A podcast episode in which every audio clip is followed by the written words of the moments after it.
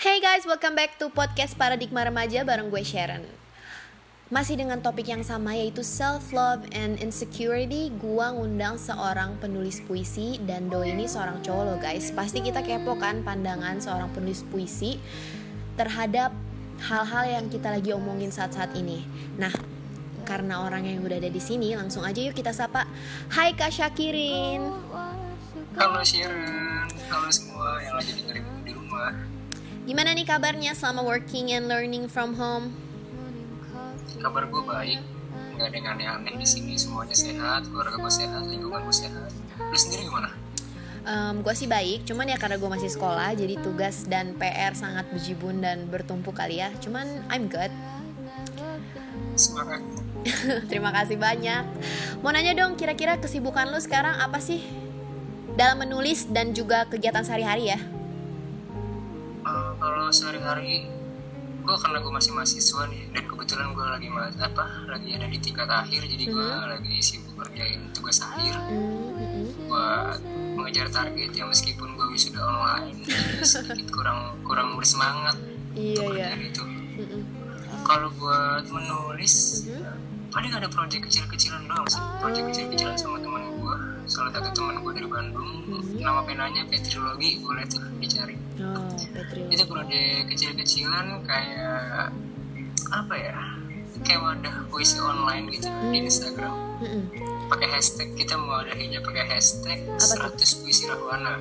Wis. itu jadi jadi eh, kita itu bikin targetnya targetnya itu menciptakan 100 judul puisi yang bakalan nanti kalian baca gitu bisa dibaca pun sekarang. Baru ada empat puisi tapi Karena kita udah ngomongin masalah nulis-nulisan nih, gue jadi kepo deh. Sebenarnya latar belakang lu nulis tuh apa sih sampai jadi banyak menulis gini dan lu bisa dibilang seorang penulis yang berbakat gitu loh. aduh amin berbakat sebenarnya gue latar belakangnya itu karena kecemplung karena nggak sengaja karena gue patah hati Oh. iya jadi berawal patah hati dan gue nggak tahu mau nyalurin ke mana gue nggak bisa nyanyi Nggak bisa main musik. Mm, terus gue kenalan sama puisi. Nah udah akhirnya bareng-bareng sampai sekarang sama puisi. Oh. gitu.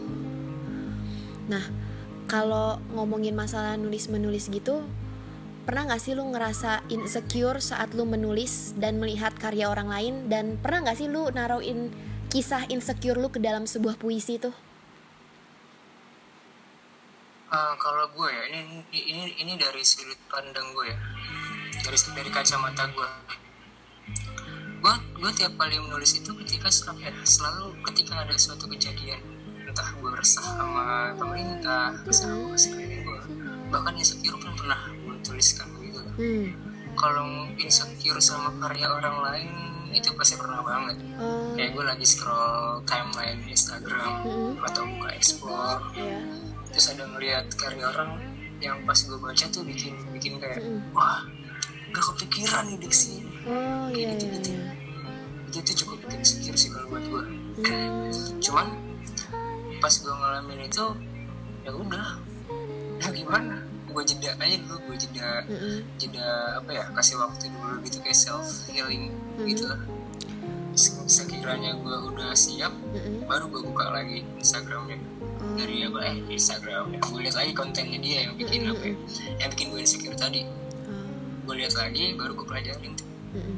kira-kira di mana sih letak tulisan dia yang bikin Hmm. wah gitu di pandangan gue Oh. jadi insecure itu dari apa ya jadi dorongan tersendiri buat gue sih kalau gue pribadi ya. Bagus juga ya eh, pandangan lu terhadap insecure tuh bisa diubah dengan cara lu memotivasi diri lu untuk mendorong eh, diri lu lebih baik lagi gitu loh. Padahal kan biasanya orang kalau misalkan membandingkan diri sendiri dengan orang lain jatuhnya jadi kayak aduh gua di bawah orang ini gua ngerasa terlalu apa ya istilahnya ya gimana sih jadi nggak percaya diri gitu tapi lu bisa me- membuat rasa insecure itu jadi dorongan selain itu ada nggak sih tips cara menghadapi insecurity dari pandangan seorang penulis dan seorang cowok gitu loh. Insecure dalam hal apa dulu nih kan banyak tuh soal Hmm, fisik atau apa. Ya fisik dan apa pun lah ya dari segala segi pandang. Universal ya. Mm-mm.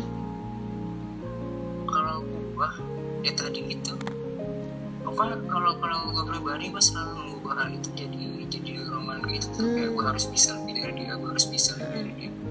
Selalu kayak gitu. Dan gue lakuin itu ya berhasil cuman ya tetap ada jeda dulu lah ada ada ruang sedikit buat kita introspeksi diri gitu lah Oh, buat iya. nengok ke bawah sebentar baru naik lagi ke atas selalu jadi dorongan kalau gue kalau saran gue sih ya itu kalian kasih jeda dulu Mm-mm. gimana caranya kalian bisa punya jeda buat apa ya ya tadi buat introspeksi diri Mm-mm. di mana kurang gue dari dia Mm. pas udah ketemu tingkatin tuh yang kurang tadi Mm. secara nggak langsung bakalan naik cuman jangan fokus buat jatuhin si orang tersebut Oh, tapi fo- fokus buat perbaikin diri lo gitu loh Iya iya. ya ngerti lah ya gue Iya ngerti-ngerti. Jadi kita juga nggak boleh ngejatuhin orang, tapi kita harus memperbaiki diri kita sendiri. Ta- Kita harus memperbaiki diri kita sendiri, bukan dengan cara kayak ya gitu, kayak ngejatuhin orang yang kayak lu bilang tadi. Keren sih saran dari lu, makasih banyak loh Kak Syakirin udah mau sharing bareng paradigma remaja di tengah malam gini yang banyak tugas pas eh sorry bukan banyak tugas ya, banyak tugas akhir, bener dong kan mau lu wisuda online kan? nggak usah disebut sih itu tidak menyenangkan. Oke deh, makasih banyak buat waktunya Kak Syakirin. Semoga kita bisa ketemu lagi Oh, dan yes. ngobrol lagi di lain waktu. amin amin. Ya sama-sama. Semoga membantu ya. Mohon maaf kalau belibet gitu omongan gue ya Santai kan ini juga masih newborn. semua. Thank you banget buat waktunya. ya oke bye bye Bye bye.